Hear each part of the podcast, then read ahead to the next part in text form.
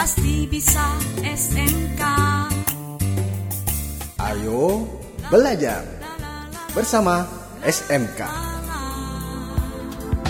Sahabat edukasi, kita berjumpa lagi dalam Suara Edukasi di program Ayo Belajar.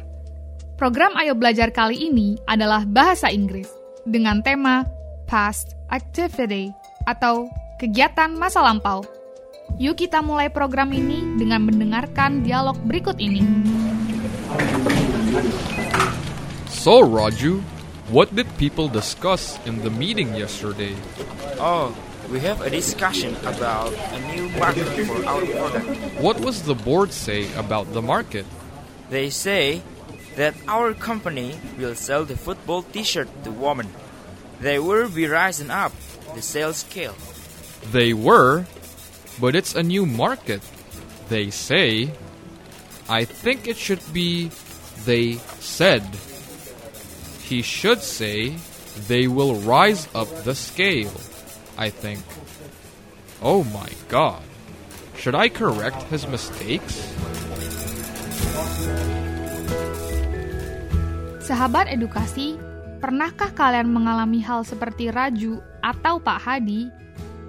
Raju tidak menyadari hal yang salah dalam penggunaan ungkapan kejadian masa lampau. Itu bisa membuat Pak Hadi atau orang lain menjadi bingung dan salah informasi. Untuk lebih jelasnya, mari kita simak dialog Pak Hadi dan Raju selanjutnya. Have a seat, please. Thank you. Raju, regarding our previous sentence, I think you should say in the past events. Do I say something wrong? Uh, yes, you did. If you want to tell a story that happened before now, you should say the entire things in past events. We usually use the past simple. For example, when we are talking about an event that happened at a particular time in the past. Now, what did you do in the last meeting? Oh, okay. We had a discussion of our new market yesterday. That's right. You had and ended the discussion yesterday. You don't have it now.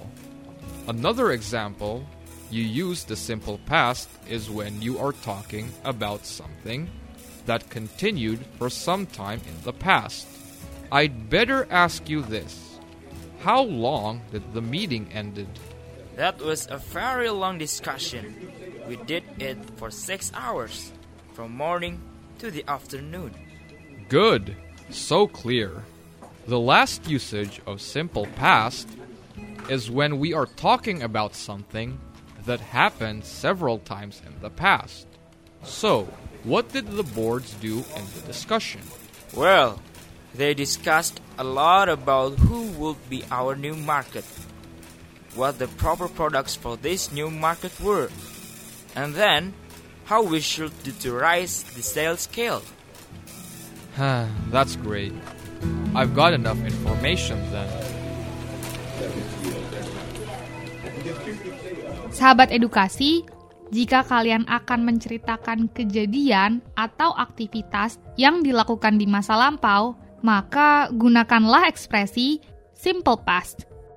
Pertama, untuk menjelaskan suatu kejadian yang terjadi pada suatu waktu pasti di masa lampau. Seperti contoh dialog berikut. What did the boss ask you to do? He asked me to rearrange the meeting with one of his business clients. Kedua, untuk menjelaskan kejadian yang berlangsung dalam suatu periode di masa lampau. Mari kita simak contohnya. Your friend has passed away. What were her achievements in her career? She won upon her business competitors many times within her 20 years career. Dan ketiga, untuk menunjukkan suatu kebiasaan atau aksi yang dilakukan berulang kali. Simak contoh dalam dialog berikut. What did you usually do before you work here? I always wrote many application letters and applied them to so many companies. They didn't work until I got here.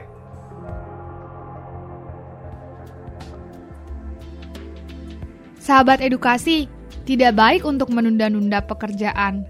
Lakukan sesuatu saat ini dan jangan menunggu sampai besok. Seperti pada kutipan berikut, do it now or nothing. Tidak perlu menunggu sampai hari esok, apa pun yang kamu bisa lakukan hari ini.